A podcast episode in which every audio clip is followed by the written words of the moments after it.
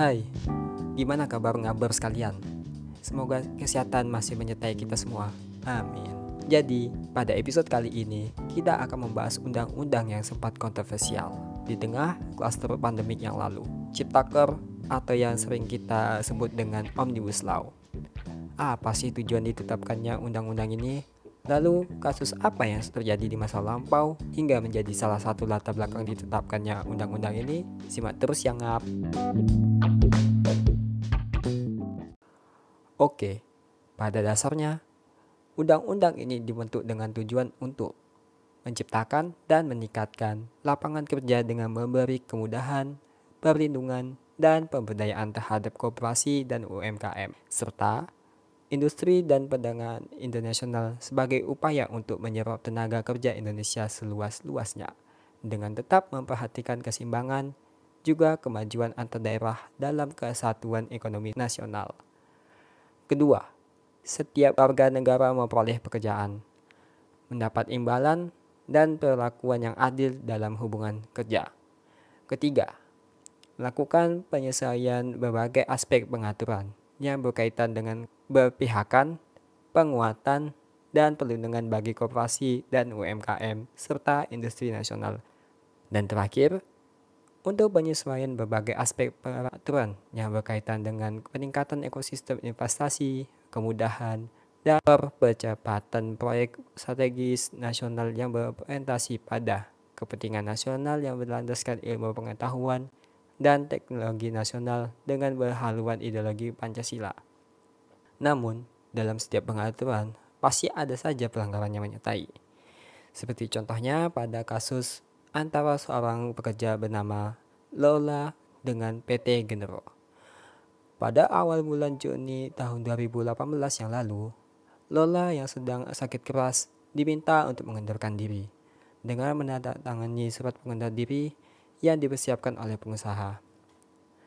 Surat pengunduran diri tersebut mencantumkan detail yang sudah diubah, yaitu pekerja di PHK dengan uang pesangon yang tidak sesuai dengan Undang-Undang Ketenagakerjaan.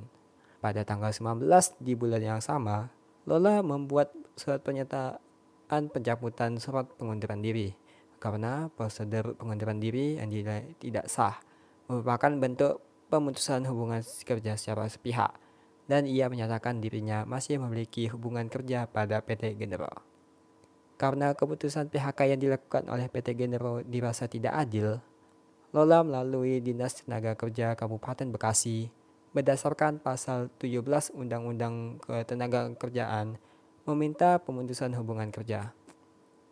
Atas permintaan penggugat, mediator pada Dinas Tenaga Kerja Kabupaten Bekasi lewat surat Dinas Tenaga Kerja nomor 567 345 Disnaker pada tanggal 30 Januari tahun 2019 menganjurkan agar pemutusan hubungan kerja dapat dilakukan terhitung di akhir bulan yang sama dan memberi pesangon, uang penghargaan masa kerja, penggantian hak, dan upah dari bulan Juli hingga Desember 2018 dan Januari 2019.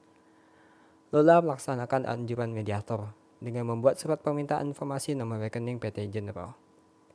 Namun, untuk mengembalikan uang pisah yang telah diterimanya, tetapi PT General tidak memberikan informasi tersebut dan tidak melaksanakan anjuran mediator Dinas Tenaga Kerja Kabupaten Bekasi yang periode waktu gugatan dan pada akhirnya Lola didaftarkan di Kepaniteraan Pengelolaan Hubungan Industrial pada Pengadilan Negara Jakarta Pusat.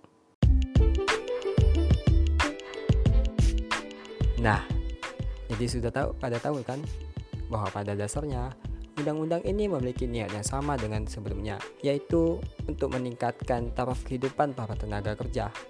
Kasus Lola tadi menjadi salah satu alasan kenapa undang-undang Ciptaker ini ditetapkan segera. Namun, karena ditetapkannya di awal pandemik yang lalu, menjadikan beberapa pasal dinilai cacat dan terkesan menguntungkan para pelaku usaha saja.